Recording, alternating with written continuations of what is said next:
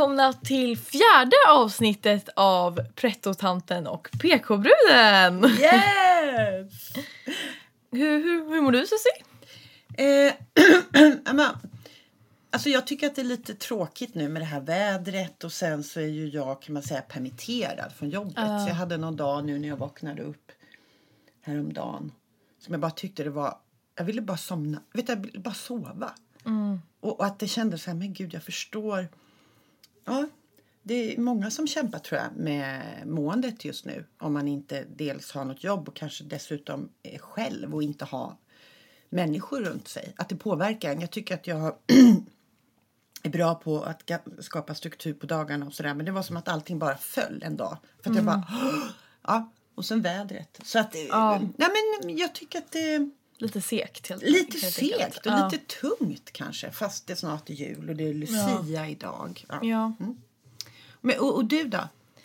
Eh, jag ty- tycker det är väldigt roligt att det, när vi har släppt nu, att eh, det går så bra och att vi har fått så många lyssnar, eh, lyssnare ändå Ja. och att vi har fått så positiv feedback. Ja. tycker jag är jätteroligt. Det är väldigt kul. Tack för er, till er som lyssnar. Att det, att, jätteroligt. Är det. Ja, har helt, hela veckan har jag varit såhär, åh, men nu ska vi ju podda! Ja. Liksom, så här, åh vad kul! Eh, Jätteroligt. Ja, jätteroligt. Annars så mår jag väldigt bra. Mhm. Jag är ju lite kär. Du är lite kär. Jag skulle precis säga det. Ska jag fråga eller ska jag inte? Ja! Inte så lite kär skulle jag vilja säga. Du verkar vara väldigt kär. ja. Mm. Och nu kommer hon lyssna på det här så jag Vi ska prata om henne. vill inte skämma ut mig. Eh, eh, kanske få bjuda in henne någon gång hit. Oj. Nej. Ja. ja. Mm, hon verkar i alla fall... Du verkar intressant, Mhm, säger jag. Om du lyssnar. Och det är när hon dumpar mig om en vecka för fan. Ja. ja, Ja, nej men vi får se. Så det är lite, lite pirrigt. vad härligt. Mm. Du är ju totala motsatsen till mig. Jag har levt i 15 år. Jag hade 15 års jubileum med min man. Åh. För det jag skrattar. Förlåt om du lyssnar min kära make men det är liksom så här 15 år med samma person och du är nykär. Det är så långt ifrån på något vis. Ja, verkligen. Ja. Nu känner jag mig jättemedveten för att vi har ju fått lite så från vår producent att vi hur vi ska förhålla oss till micken. Ja. Och jag pratar ju lite högt ibland och, och när jag skrattar så ska jag backa men nu känner jag att jag nästan bara vill gå ännu närmare. Alltså det är så här Ja. tvångs... Nu känner jag mig jättestel. Fanny, jag kan inte vara naturlig. Ja, åh gud, det är som hon har förstört vår... Ja, nej. Mm. Jag skojar, nej. Eh, ja, nej, men så, så, jag var bra. ja, underbart.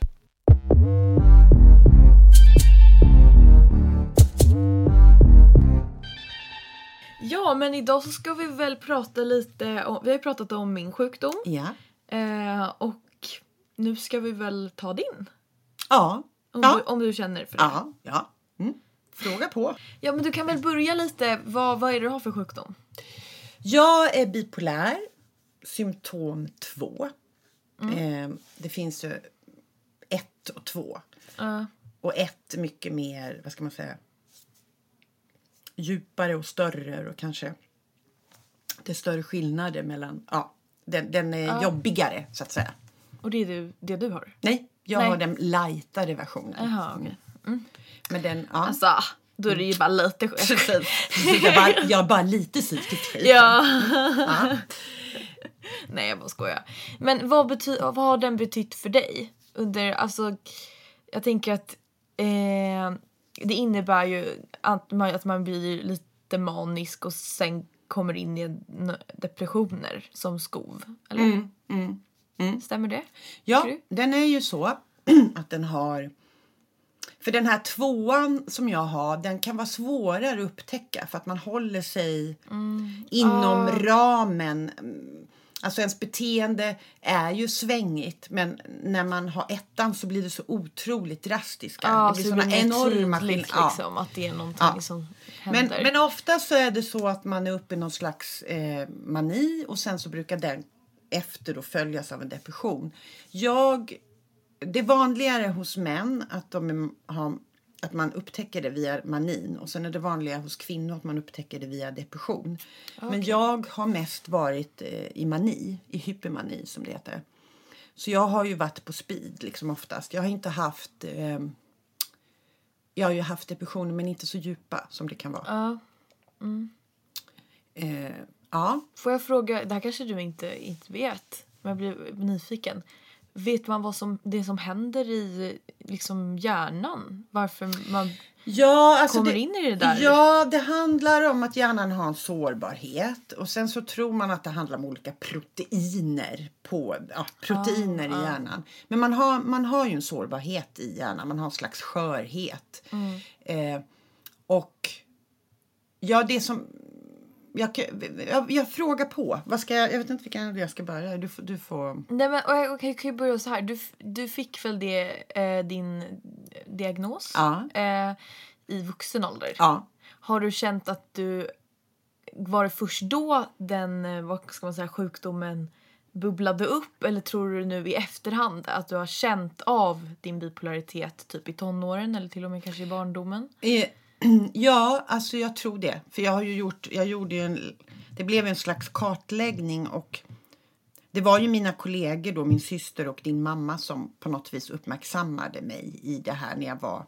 Så, grej, så, så saken är ju också att jag har ju också haft jobbat med min syster och har henne som syster så att hon har ju också sett. Så vi gjorde ju en slags kartläggning. Jag har gjort det tillsammans med din mamma och eftersom vi har jobbat så länge så blev det ju det. Ja, jag tror jag tror att jag hamnade lite i det faktiskt när jag kom på högstadiet. Om jag tittar tillbaks så känns det som hela min högstadieperiod var en slags hypermani.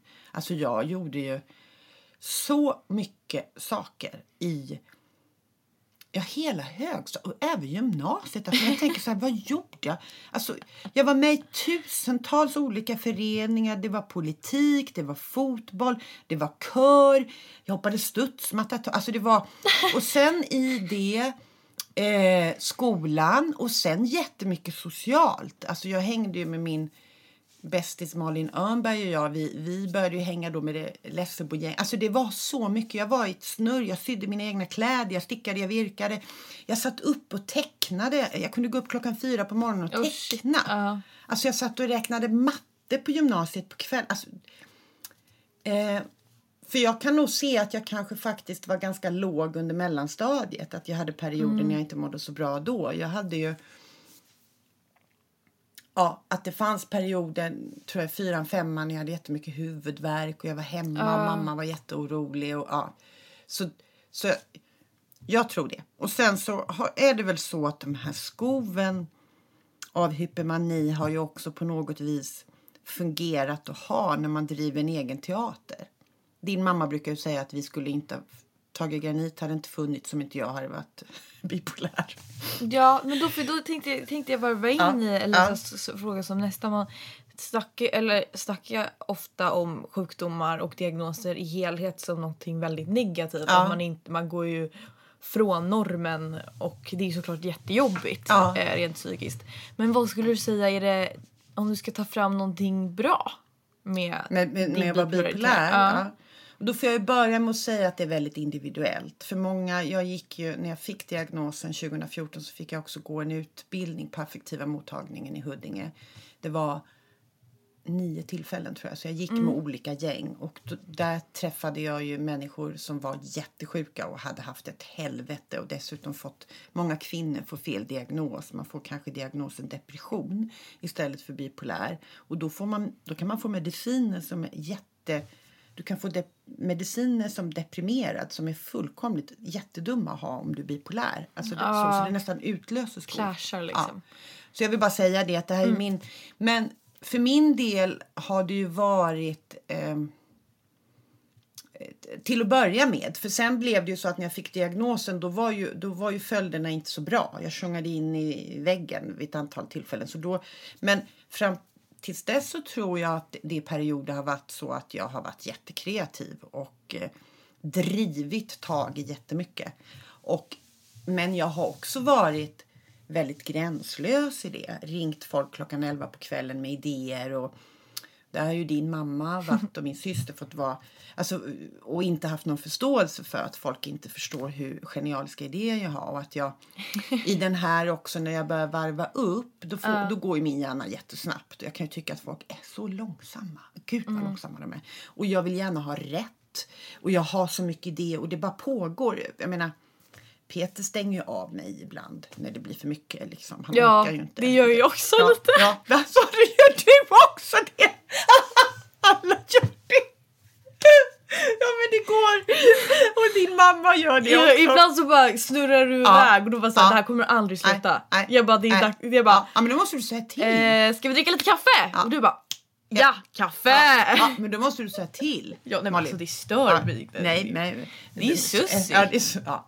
Men eh, vad ska jag säga? Men också i det när man varvar upp jättemycket. Då finns det också. Då blir man också. Då blir jag ju skör också i det. Ja, Så jag blir också oerhört känslig. för Det, apropå hur man ska säga till mig då.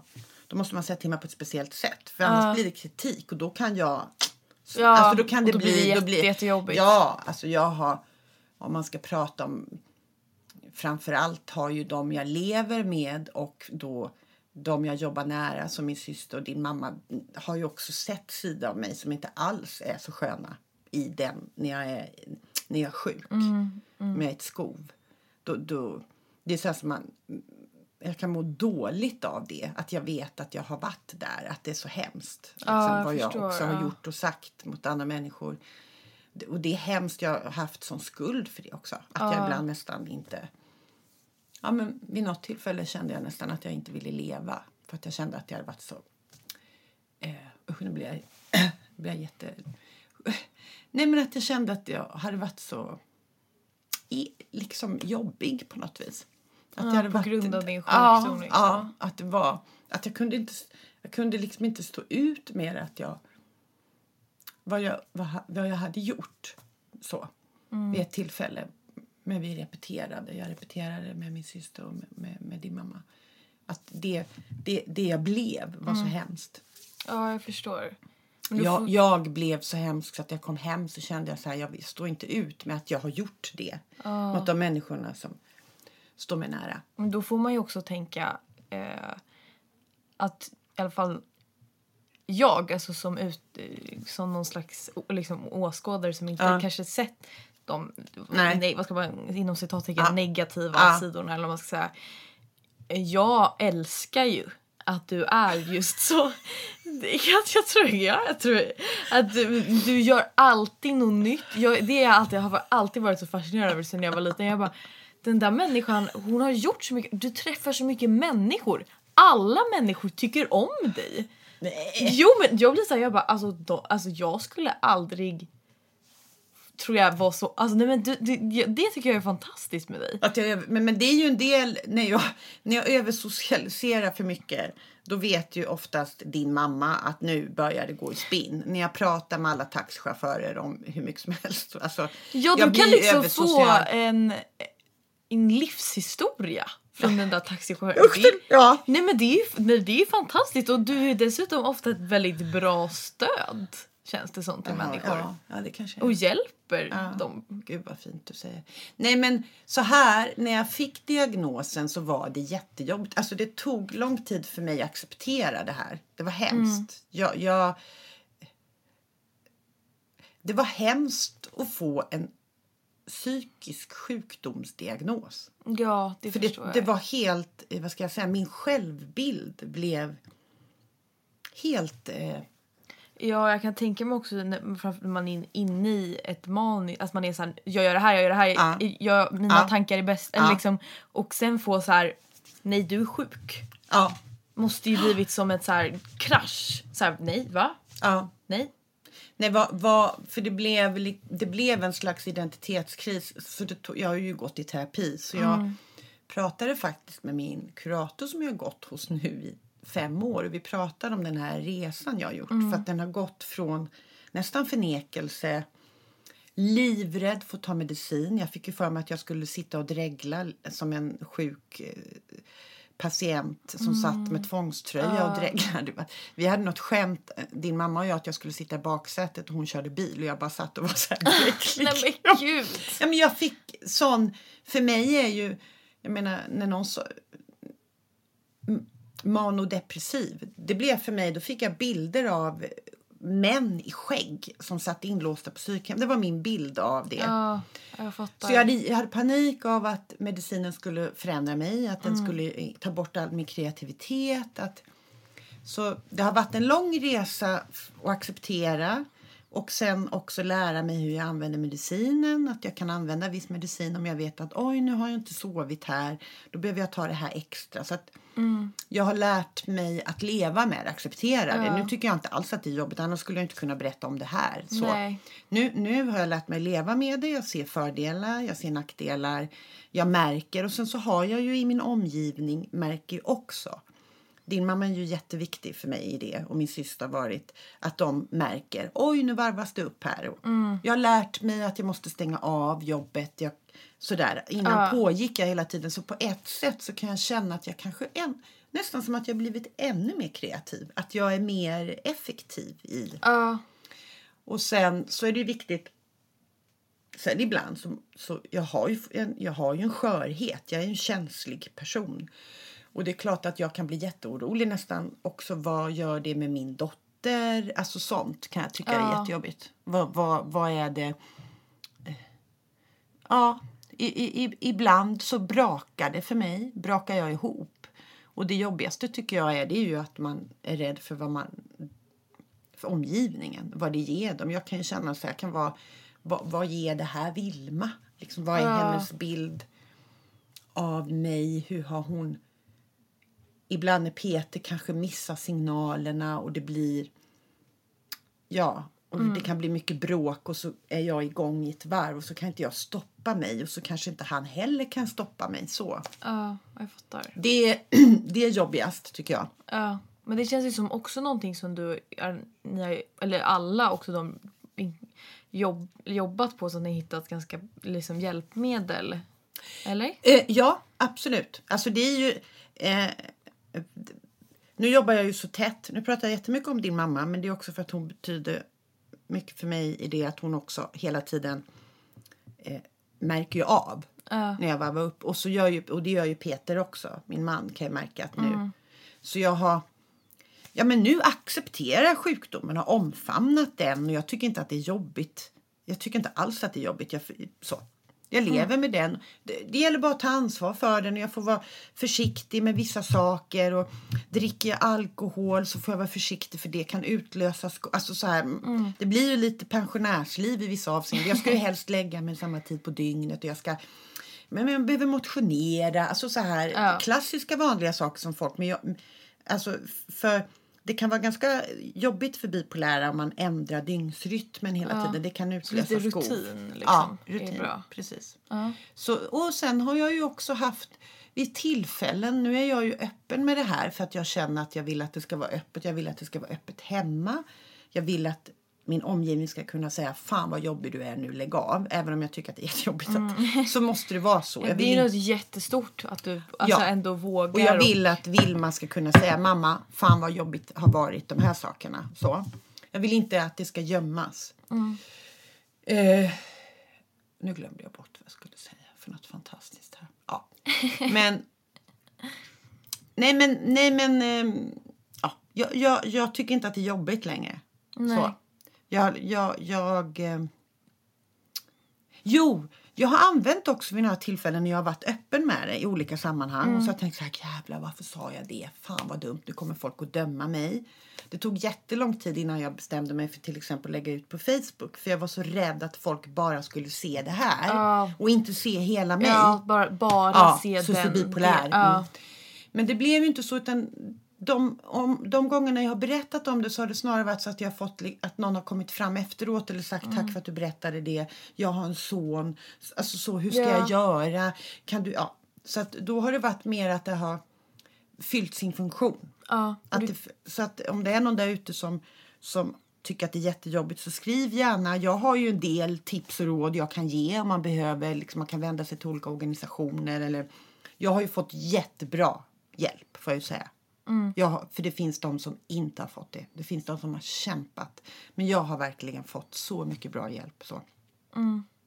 Jättebra. Och Jag tänker att bara att eh, prata om psykisk ohälsa i, generellt Ja. gör ju att man verkligen bryter stigmat om Ja. det och normaliserar det. Ja. Så att eh, kanske, man kanske inte ens behöver ha diagnosen för att känna men bara att, vi, vi, att du är modig och berättar vad det är och liksom vad det innebär tror jag gör jättemycket. Att våga vara så öppen. Ja. Jo, men det, sen så finns det ju människor idag som tycker att, all, att det är för mycket. Att varenda människa har någonting som de ska berätta om. Att man använder det kanske som en ursäkt för saker och ting. Men jag tror, jag, tror att det, jag tror ändå att det är som du säger. Att det är bättre att man är öppen med det. Därför då blir det inte... Då blir det mer... Det är ju ganska vanligt idag att man har någon diagnos eller någonting. Det känns ju som att inte... Ja. Min dotters generation, de är ju inte alls... Ställer sig ju inte frågan inför att någon har ADHD eller asp- det är ju det är inget konstigt. Så Nej. det, så det är väl precis som du säger, man bryter stigma. Så kommer jag ju från en annan generation. Så. Mm, Du tillhör, ni öppnare tror jag. Ja, jo men det, jag tror det. Eh, för det är väl också tyvärr så att också psykisk ohälsan har ju ökat ganska drastiskt Ja. under de senaste åren. Så att det, kan, det är ganska svårt att undvika att inte vara öppen om för det känns som att Nej. Hälften, hälften av mina kompisar är lite psykiskt liksom.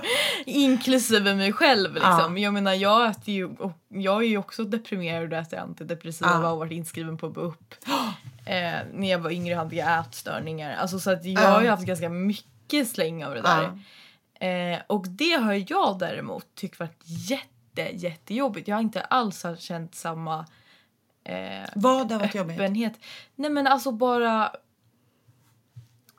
Alltså jag, jag, var, jag har alltid varit med just min psykiska ohälsa att eh, jag skojar bort det. Ja, att det är lite såhär, det du haha, sa, ja. Mm. lite antidepp. Ja jag tar ju antidepp, hehehe. Ja, du blir lite Ska- självironisk. Ja, ska vi äta? Och sen så bara, nej men jag får ju lite, nej, jag mår lite ångest då och då men det, det är ingen fara.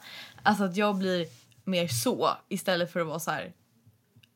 Ja, det, jag tror att det är svårt för vissa att fatta att, Att du har varit, att du mår ja, dåligt. att jag Mm. liksom ändå haft en ganska seriös depression. Och det tycker jag är så himla bra att Mm. ändå att du och vi i den här podden liksom pratar Pratar om om det, det. Mm. liksom, och normaliserar det. Men jag tror också att det är, för min del har också varit eh, också vad är jag och vad är sjukdomen? Det har varit en jätteresa för mig. Nu, nu ser jag ju att de där egenskaperna ibland går ihop men det har jag ju haft väldigt mycket hjälp av terapin.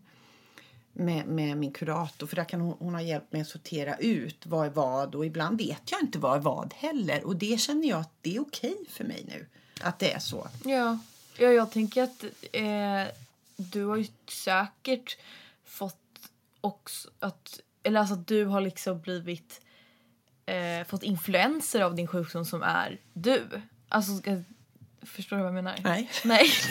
Du såg på mig ja, ja. Levande nej men jag tänker att din sjukdom har ju såklart format Ja. ditt, ditt jag. Ja, absolut. Eh, men det innebär ju inte att ditt jag är sjukdomen. nej, nej. För för mig, för, för, för så här kan det ju vara för människor att man kan ju också bli... För mig har resan varit att acceptera och omfamna att jag har en sjukdom. För andra människor kan det vara så att man bara blir sjukdomen. Och så får man kämpa med. Men för mig har det nästan varit viktigt att få säga, att säga, få säga att jag har en sjukdom. För, att, för att förstå mina begränsningar. För att jag har alltid varit en sån här person som, liksom, som har haft, jag kan allt, det finns inga begränsningar, det är allt är möjligt. Det är något slags livsfarligt mantra som jag har haft hela mitt liv. Som är livsfarligt på så sätt att jag har faktiskt begränsningar. Jag måste ta hänsyn till den här sjukdomen. Jag måste leva med den så att jag, så att jag tar hand om den. Så. För att om jag säger... För, för det finns ju till exempel... Ja, till exempel kan det vara så att om du mediterar jättemycket som bipolär så kan du utlösa ett skov. Man kan ju använda Aha, meditationen för att lugna ja. ner människor. Men om jag är i ett skov så ska jag inte meditera. Det kan vara eh, kontraproduktivt. Det kan få mig att bli... Ja. Intressant. Så, det, så för mig har det varit viktigt att kunna stå för att jag har sjukdomen. För att jag ska Mm. acceptera att jag har begränsningar. Så att jag tar hand om mig själv i det. För ibland kan det, det, det finns ju människor som är så här...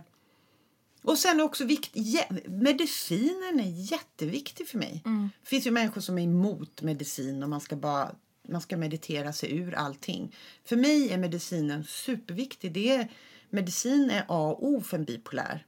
Mm. För att stabilisera de här svängningarna. Ja, så att det inte går från 0 till 100 Nej. liksom, utan att man kanske För det är ju ganska vanligt att 40-60 typ. Ja, och det är väldigt vanligt bland bipolära att de självmedicinerar. Det, Mikael Ah. Persbrandt han hade ju faktiskt en podd där han berättar. Han har ju gjort det. Det är jättevanligt att man med, självmedicinerar med alkohol eller droger. Och då är det ju... Men har du medicinen så får du struktur och du, ja, Mm. och du får rätt medicin. Det är olika vad man tar för medicin. Jättebra. Då kanske vi ska gå vidare då. Då ska vi gå vidare, absolut.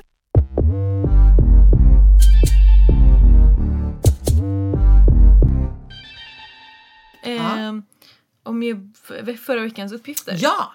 Vad hade du för uppgift? Men nu har jag ju pratat jättemycket. Nu Jaha, får du. ska, ja, men jag ja, har ju ja. inte gjort min uppgift. Uppgiften! Uppgiften! Uppgiften! Men det kanske jag kan, det kan jag ju säga. Jag, Berätta om det. Jag är ju, och jag, vi är ju båda så himla sjuka. Ni, nej, jag har haft eh, jätteont den här veckan och inte riktigt hunnit. Det var ju en bok eh, jag skulle ta mig igenom.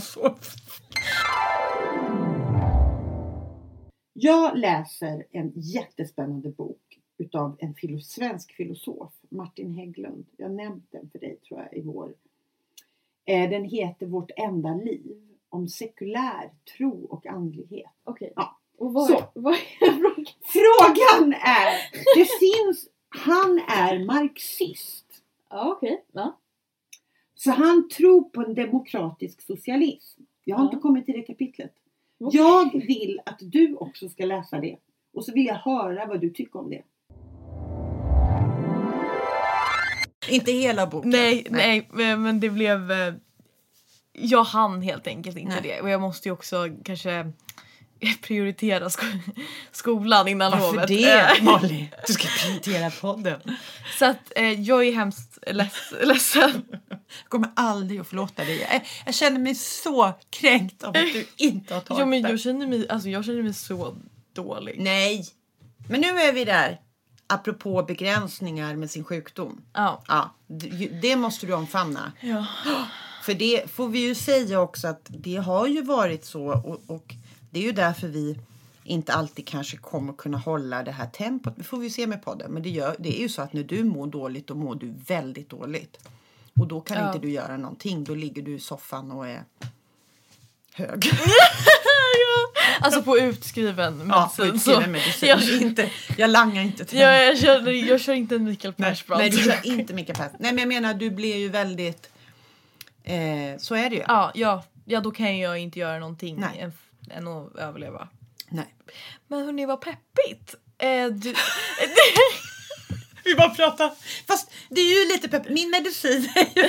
Nej men det är ju så. Så det får vi, Ja. det försöker jag, jag är livrädd ibland, apropå min maniska sida, att jag ibland eh, kör på för hårt. Att jag, att jag driver på för hårt med dig. Att jag är så rädd att du känner att du får krav, för mycket krav och känner här, nu måste jag... men det känner jag att eh, det hade nog säkert ku- äh, kunnat bli så om jag inte kände dig. För jag är lite svårt ibland att sätta gränser. Ja, Det vet ja. jag själv att säga nej. Mm. Eh, och kanske om jag inte hade känt dig lika bra eller känt dig lika trygg. Ja, då hade det funnits en risk. Ja. Att det ibland hade blivit lite, lite för Mm. mycket för mig. Mm. Men jag känner att vi båda är ganska bra på att vara så här. "Hö- Vänta, hörru Susie, nu, nu får du chilla Ja. lite, jag mår inte så bra idag. Och att du är så här, okej jag backar, Ja. säg till när jag ska eh, liksom, Och, och sådär. där kan man väl ta ett exempel också på en hyperman person. Har ju jättesvårt med gränser. Jag har ju varit enormt gränslös innan i mitt liv och svårt att acceptera andras gränser. För att man bara vill driva igenom. När man är i det maniska tillståndet så, så har man så mycket idéer som man bara vill få igenom. Så kör man, man manglar över människor. Så. Det känns ju i så fall något som du Har jobbat, jobbat, med hårt med. jättemycket. Jättemycket har jag jobbat med det. Eh, både acceptera mina egna gränser men också andras gränser. Nu så här, fan nu ligger Molly i sängen och tittar på Fan! Netflix igen! Vi ska ju göra en Ja. Varför inte? Ja, ja, men Ja, det är ju... mm, Det kan ju vara så, det kan man väl alltid också, så kan man väl säga om man har människor som, runt sig som är jättegränslösa och som samtidigt hamnar i svackor. Alltså alla är ju det lite Mm. Ja, mer. verkligen. Men det kan vara bra att veta att det Ja. finns en sjukdom som är, som är bipolär och att folk faktiskt kan få hjälp. Att det kan hjälpa Verkligen, ja, människor att få... För det, nu babblar jag om det här igen, men det sista bara när jag gick den här kursen då fick jag träffa människor som, gud alltså, som har haft det jättetufft. Och när de Mm. har varit deprimerade var de som satt och bara satt du vet, och beställde på nätet prylar för hur mycket pengar som helst i någon slags Ja. och jo, ah, ja, ställ till det. Många, några där som inte hade någon relation till sina barn för de har sabbat relationer, de har inte klarat av att ha jobb. Alltså de har Ja. mått så dåligt. Så att gå, en sån, att gå en sån gruppterapi som jag var väldigt anti först var ju fantastiskt för man får en slags ödmjukhet inför andra människor och sin egen. Att man, man lär sig av att lyssna på andra. Men okej, Molly, på, vill, skulle du, vill, kan du tänka dig att ta det till nästa podd? Att du tar samma uppgift ja, absolut. om... Eh, vad sa jag att den hette? Socialistisk demokrati. Ja, jag ska läsa ett kapitel Ja. och föra en analys Ja. om det. Vad du tycker om det, hur du ser på det. Ja, Känns det okej eller känns det absolut. som att det blir för Nej, mycket? Mm. det blir jättebra.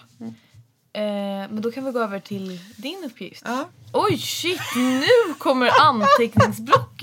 Inte ens ett litet anteckningsblock. Wow! Jag är lite rädd. Molly? Hypermani. Nej, jag skojar. Ja, precis. Jag har suttit med den här uppgiften under nätterna den senaste veckan. Nej, men jag var... Ja. Nu måste jag snyta mig lite.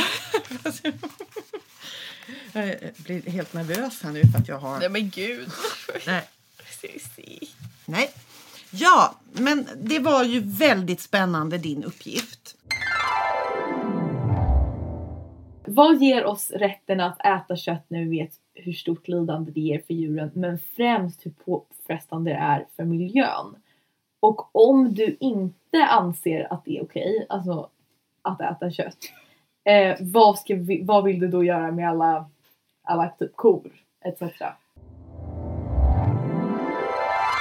Ja. Och nu har jag fokuserat på... Jag har inte gått in på rätten... Eh, min rätt att... Alltså rätten att döda djuren. Den, den biten har jag faktiskt inte gått in på utan jag har valt miljö. ja. Jätteintressant. Miljön runt... ja, runt det här med att äta då framförallt nötkött. För det är den som är den största miljöboven och fåren, alltså de idisslande djuren. Får och nötkött är de som Ja. släpper ut mest. Rött Metan, kött. ja. alltså. Metan, precis, metangas. Och jag kan väl säga då att det här nu som jag har, de här uppgifterna nu, för det är ju lite så här nu eh, procentsatser och sånt där. Har jag då hittat på Jordbruks och livsmedelsverket som man vet här nu att det är källorna. Jag har läst någon artikel också som var bara en artikel. Men de, de, det mesta faktan har jag hittat där om det är någon som vill gå in och titta på sen. Och det jag kan säga är väl att den här uppgiften var jätteintressant Molly för att jag är ännu mer övertygad om att jag kan äta kött. Va? Det var inte det du skulle komma det fram till. Förlåt, nu skrattar så jag kiknar.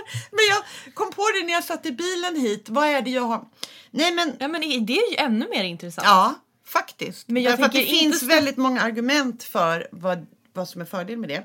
Ja, okej. Men först och främst är det ju så här då.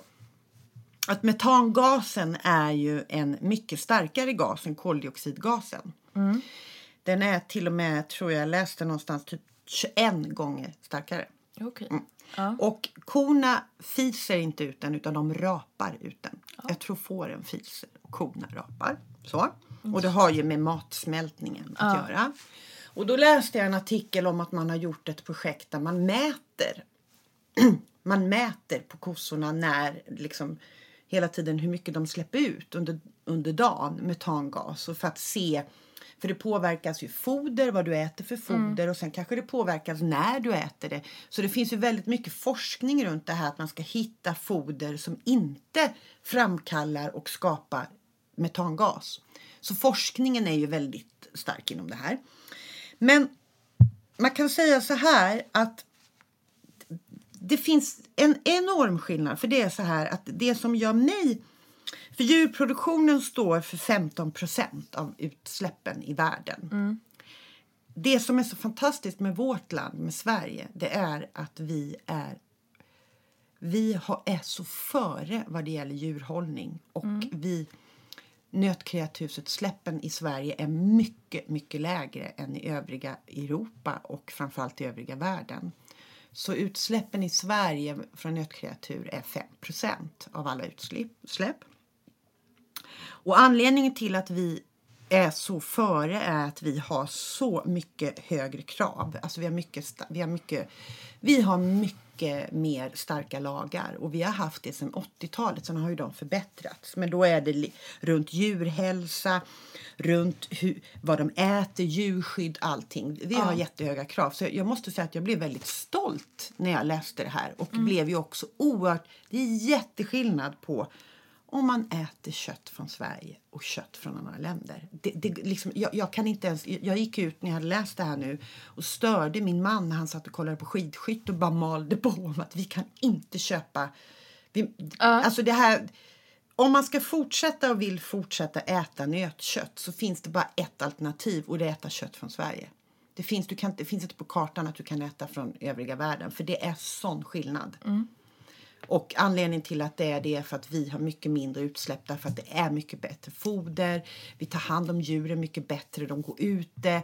De blir, när de ska gå till slakt så blir de bedövade. Alltså vi, vi, har, vi, vi är före. Vi, jag, jag kan inte låta bli att tänka på, jag vet, du känner nog inte till det här men det fanns en, en folkpartistisk eh, EU-politiker som heter Marit Paulsson som var, har varit jättestor. Hon har drivit på de här frågorna jättemycket i EU. Men Sverige har verkligen gjort det.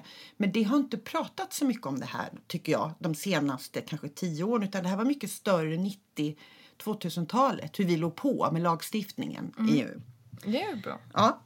Vi måste snabba lite. Ja, okej, okej. Ja, men, men då är det så här, för att jag ska, för att jag nu ska, för att jag bara ska summera det här, Ja. så är det så här att eh, det är ju det som du pratade om, att djur, de här idisslande djuren ser ju till att, eh, alltså att, att, att, eh, att vi får ett rikt odlingslandskap. Och det innebär att vi har, alltså de här betesmarkerna, det innebär också att det är ett rikt växt och djurliv och rika kulturmiljöer i Sverige. Och är det så att man skulle sänka det här, då skulle till och med då skulle det här minska till ett rikt eh, odlingslandskap Ja. om man minskar nötköttsproduktionen. Så att, så att det här, och det här ingår också då i miljö i miljödirektiv svenska så ingår det här som en del av det att man ska ha eh, betande djur för att liksom hålla upp odlings... Och sen så är det ju någonting som vi två överhuvudtaget inte funderar på eftersom vi bor i en storstad och lever ganska liberalt på något vis. Det är ju, eller liberalt, eller vi lever i storstadsperspektiv. Nej men det är landsbygds, det ingår i landsbygdsprogrammet. Mm. Nöt, och nöt, nötkreatur är jätteviktigt för en levande landsbygd. Och det är också väldigt viktigt för biorganism, alltså det som runt jordbruket uppstår ju en massa andra verksamheter. Jordbruket skapar ju jobb för andra. Och på landsbygden har man ju svårare med jobb. Så det blir ju liksom mejeriföretag, slakteri, eh, eh, styckningsföretag, skärkföretag, avelföretag, rådgivning, service, transport. Så, så det är väldigt viktigt för en levande landsbygd. Så, eh, och utsläppen i Sverige är väldigt mycket mindre än i övriga Europa. Men det är ändå 5 procent. Ja, men det, Jag tycker är det låter lite. ganska ja.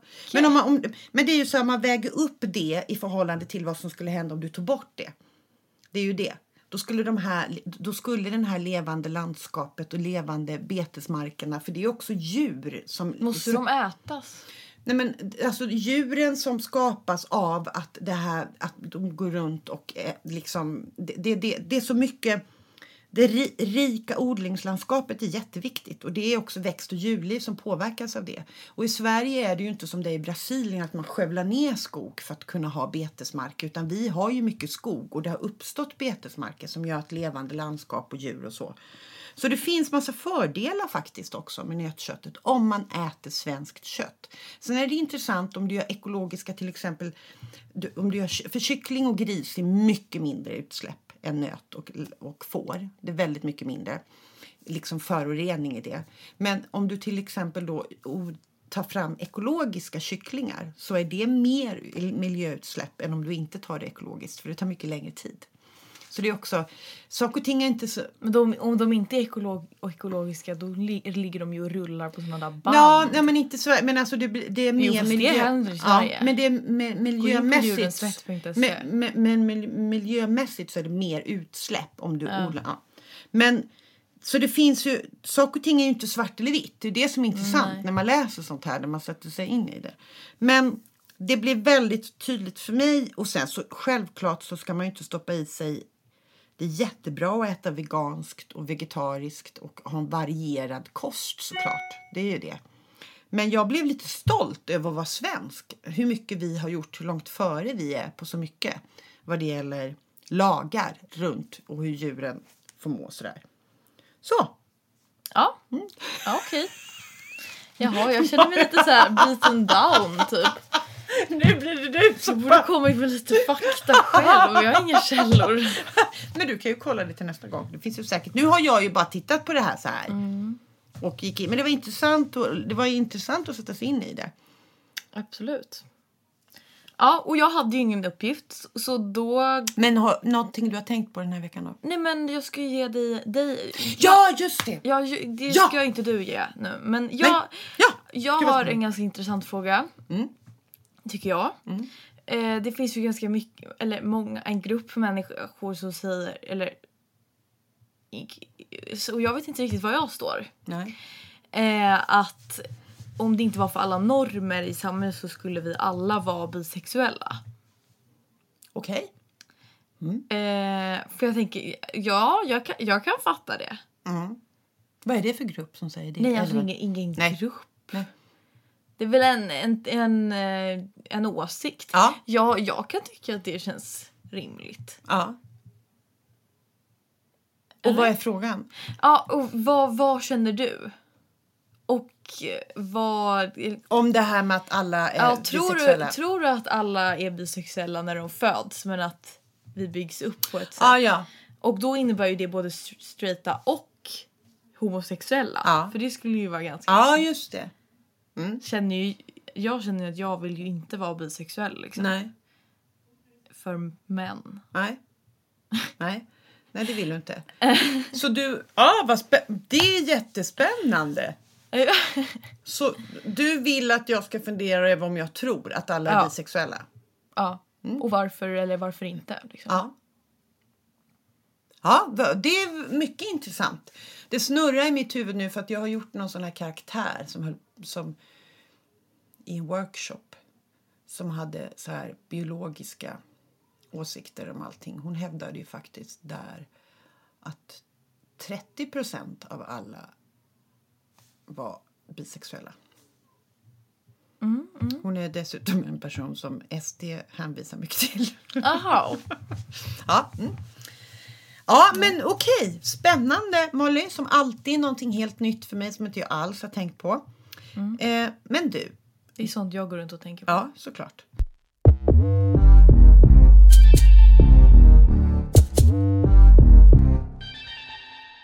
Då är min fråga till dig. Vad är det som, har, som du har funderat på de sista veckorna? Som har liksom fastnat i ditt... Eh, ja, vad har jag tänkt på? Jag har tänkt på att jag är väldigt tacksam att jag är gay. Att du är tacksam att du är gay. Ja. På vilket sätt? Eh, ja, nej men alltså jag bara, alltså förlåt men jag är bara så fruktansvärt tacksam att jag kommer få leva mitt liv med kvinnor och inte med män. Ja, ja. Alltså sorry men alltså... Vad fint. Att du är det. Ja. Aj fy fan. Jag bara, aj, usch, men, aj, men gud förlåt. Det kanske... Vi kanske har manliga lyssnare här Ja, fall. ni är jättefina. Men ni uppehåller säkert patriarkala strukturer så. Ja. ja. Men du känner dig glad över att vara kär och vara eh, gay? Ja. Mm. Nu kom han ut. Har vi inte pratat om det? Jag, jag vet inte. Nej, vi kanske inte har gjort det. Vi har, inte pra- har vi pratat om att Med det... tanke på att så här, hela min familj, liksom släkt och så. så Vadå med tanke på hela jag vet inte, vet de om det? Men ja, ja, ja jo. Det borde de väl för fan ha fattat vid det här laget. Jag är, Ja, inte, det är ju inte säkert. jag är inte, fast jag är inte jättehemlig. Jag vet inte vad din familj... Om mormor Birgitta har förstått. Jo, hon vet att du är. Nej, nej det tror jag inte. Och inte morfar heller. Ja, lyssnar de då? Det vet jag inte. Ja, Men farmor mormor- vet ju. Ja, det, det tror jag. Mm. Och hon lyssnar, för det har jag sett att hon Ja, gör. hon är en väldigt, väldigt aktiv lyssnare. Så att, eh, ja farmor. Eh, för, jag, för jag tänkte på det när du presenterade dig, att du sa nog inte det när du Nej, presenterade jag sa inte, PK-bruden. jag sa Så nu inte har vi- att jag är gay. Nej. Fy fan. Nej, bara... men, men Oj, nu... vilken skam! Nej, nej, nej jag, menar, men jag menar inte så. Jag menar bara att det, men då är det jättespännande att det kommer fram nu. Och det, det är intressant. När visste du att du var det, Molly? Hur gammal var du när du förstod att du var... Alltså. Jag hade... Eh, jag hade ju en period... Alltså jag, det var ganska länge som jag var så här... Varför jag, att jag inte fattade grejen med killar. Alltså att med mina kompisar som sa åh han är snygg, åh mm, oj man skulle pussa på dem och liksom eh, varför skulle jag ha en bakgrundsbild på Justin Bieber utan tröja? Jag förstod inte. Nej. Men jag hade det för att, ja. Man skulle ha det? eller? ja. Mm. Eh, och sen så tittade jag på Pretty Little Liars. Den har inte jag sett. Ja, det är en, ung, väldigt, en väldigt så här, ungdomsserie. Ja. Man, ganska ung målgrupp. Så då var jag väl kanske 13. Och då kommer den ena tjejen ut som gay. I ett, de är ett stort kompisgäng. Så en av huvudkaraktärerna kommer ut som gay. Eh, och då var jag lite så här. Hmm. Hmm. Och då var jag så här, mm, okej jag är nog bi. Kanske. Så här, för då är det lite så här. Hur eh, gammal var du då? då? Typ 13. Ja. Och då var jag så här. Alltså jag gillar, alltså jag gillar 99% killar men alltså det finns här, det finns en tjej på jorden som jag skulle kan Men alltså, gjorde du det offentligt inför dina vänner Ja. eller inför dig själv? Eller jag skulle säga både inför mig själv och några kompisar. Mm.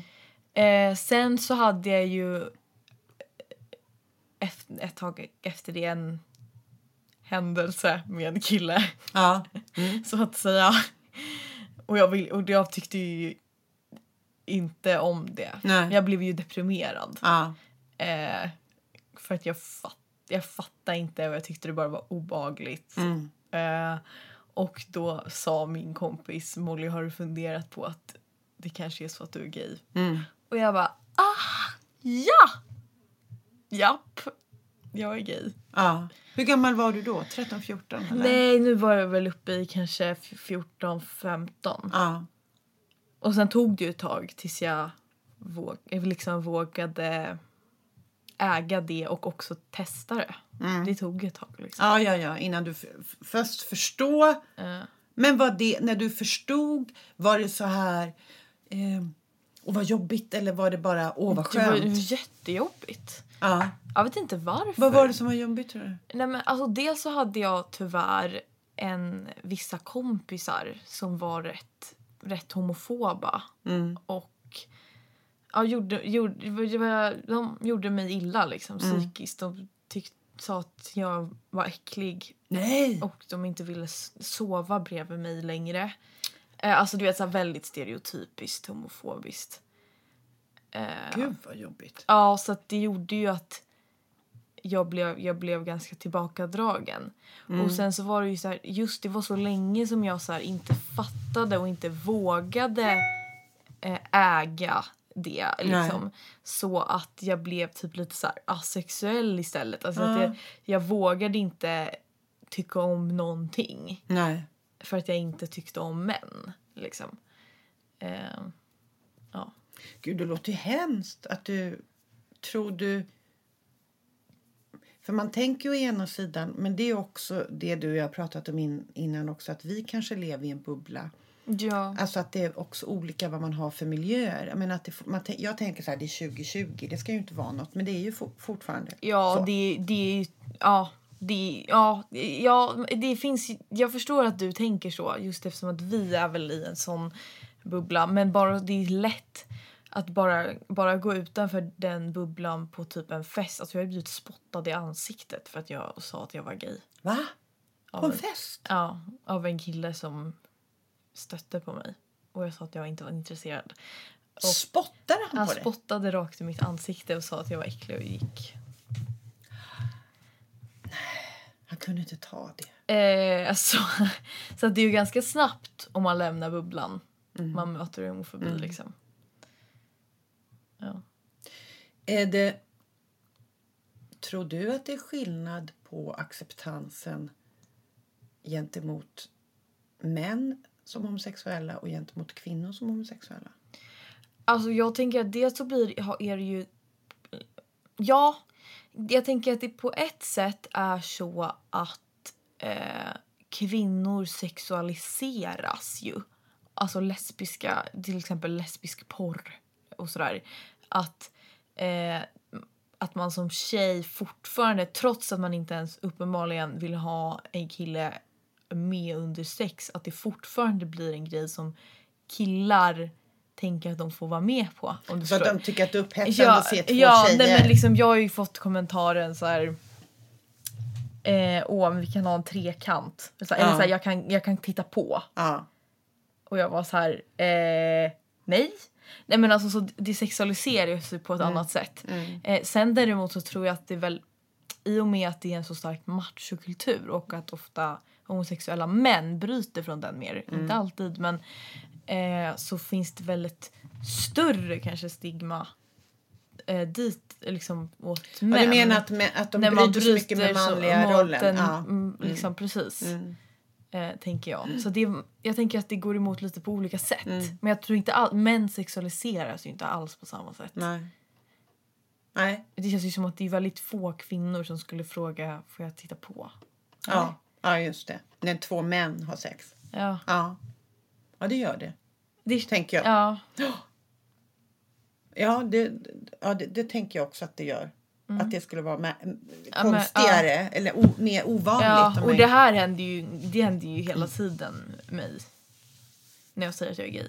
Att killar vill, wow, vi, ja. Ja. Det är ganska många i... eh, Jag är som sagt inte så gömd. Jag menar jag har ju en lesbisk symbol i min Instagram-profil liksom. ja. Det har ju kommit massa män och vara så här. Eller så här, men jag kan knulla lesbiskheten ur dig. Eller så här, du, har inte, du har bara inte fått testa en tillräckligt bra kuk. Nej men gud. Då skulle du bli, du skulle bli straight efter en natt med mig. Låt mig testa. Jaha, gud. Eller gud kanske jag inte ska tilltala, men vad. Gud. Ja. Eller vad, vad Ja, det är, vidrigt. vi, det är vidrigt faktiskt. Dessutom eftersom att jag är ganska liksom straight passing. Alltså att jag ser jag skulle... Straight back. Det är så roligt att använda den ord. Jag bara, va? Nej men alltså att jag... ehm, jag kan ju tas... Alltså jag är ju inte så den lesbiska en lesbisk stereotyp, alltså ganska maskulin. Alltså jag är ju väldigt ganska feminin. Mm. Du skulle inte vara kon- alltså Nej, nej, att, att du menar att du ser man, ganska... man antar att jag är straight. Ja, just det. Och eh, då det, känns det som att det är fler män som går på en. Liksom. Ja. ja, än om du skulle ha det här, nu låter det här jätte, men- men lite mer den här fördomen hur en lesbisk tjej ser ut med Butch. kort, ja, just det. Ja. Om du skulle se ut så så skulle man, Ja, jag, tror- jag Utgå tror från- det. ja. Jag tror att man, det är mindre ändå. ja just det för då fattar de att det här är en lesbisk Ja, för tjej. det kanske är ingen lite idé. tydligare, tänker jag. Mm, just det. Men det, det, jag är ju inte butch. Nej. Så. Vet man det, eller vadå? Om man är det eller inte? Kan man inte ändra sig? Eller? Jo, jo men ja, nu är jag inte det. Nej. Och jag tror... Nej. Vad innebär det? Du får förklara för lyssnare som Eh, inte vet nej men är. alltså en butchie, alltså, om man ska, alltså en tjej som ser väldigt maskulin ut. Ofta kort hår. Liksom. Ofta kalsonger. Kalsonger? Ja. Vadå kalsonger? Alltså på sig själv för definitivt truff- sportsbra. Okej. Sport, Ja. Sport-bh, alltså alla Ah, dagar ja, ja, okej. Mm. Ja. Och sen så har vi ju lite fem, som jag är. Då, då är man ju ganska feminin. Okej. Liksom med smink och sådär. Mm. Ja. Oh, vi kanske ska ha ett lesbiskt avsnitt. Jaha. Förlåt, du är ju inte det. Så det är kanske... Nej men det kan vi väl ha, kan ta in. Nu ja. har vi pratat jättelänge igen. Nej men så ja men vi ska... Ja. Eh, ja, då ska jag bara avsluta vad jag har tänkt på. Det Ja. var, jag läste en jättespännande artikel. Jag prenumererar ju på Svenska Dagbladet. Aha. Och det har jag gjort medvetet under många år. Då kan man ju bara säga så här, om, när man bor i Stockholm så är ju morgontidningarna antingen Dagens Nyheter eller Svenska Dagbladet. Om man bor ute i landet så har man ju massa andra morgontidningar. Vi har ju inga specifika Stockholms morgontidningar egentligen. Har du tänkt på det? Det var inte det. Nej, det har jag Strunt samma. Helt ointressant. Jag läste en artikel. Det finns en krönikör där som heter Jenny Nor- Norberg. tror jag hon heter. Hon, hon bevakar USA. Och då skrev hon någonting väldigt intressant. Om att värderingarna nu under corona har blivit oerhört konservativa. Och att den stora, stora det vi bara utgår från och pratar om det är liksom kärnfamiljen. Mm tyckte det var jätteintressant. Därför att det är kärnfamiljen som man också hela tiden vänder sig till när man ger råd. Du ska vara med din lilla familj. Det har blivit också så här, hon menade på att patriarkatet har tagit över därför att det har också blivit så här att kvinnor är hemma och bakar. Alltså vi, vi har blivit som att vi går in i den här förpuppade som man pratade om det var på 50-talet i Sverige Eh, att det har blivit sådana ideal. Och jag tyckte det var så intressant. Och det här med, de här mer liberala idealen som man kan tolka in massa saker i. De har ju helt nu fått stänga stänga ner i samhället. Du kan inte gå Ja. och se någon kultur, du kan inte lyssna på musik. Om du lever ett alternativt liv och inte lever i kärnfamilj och har ett stort brett socialt nät Ja.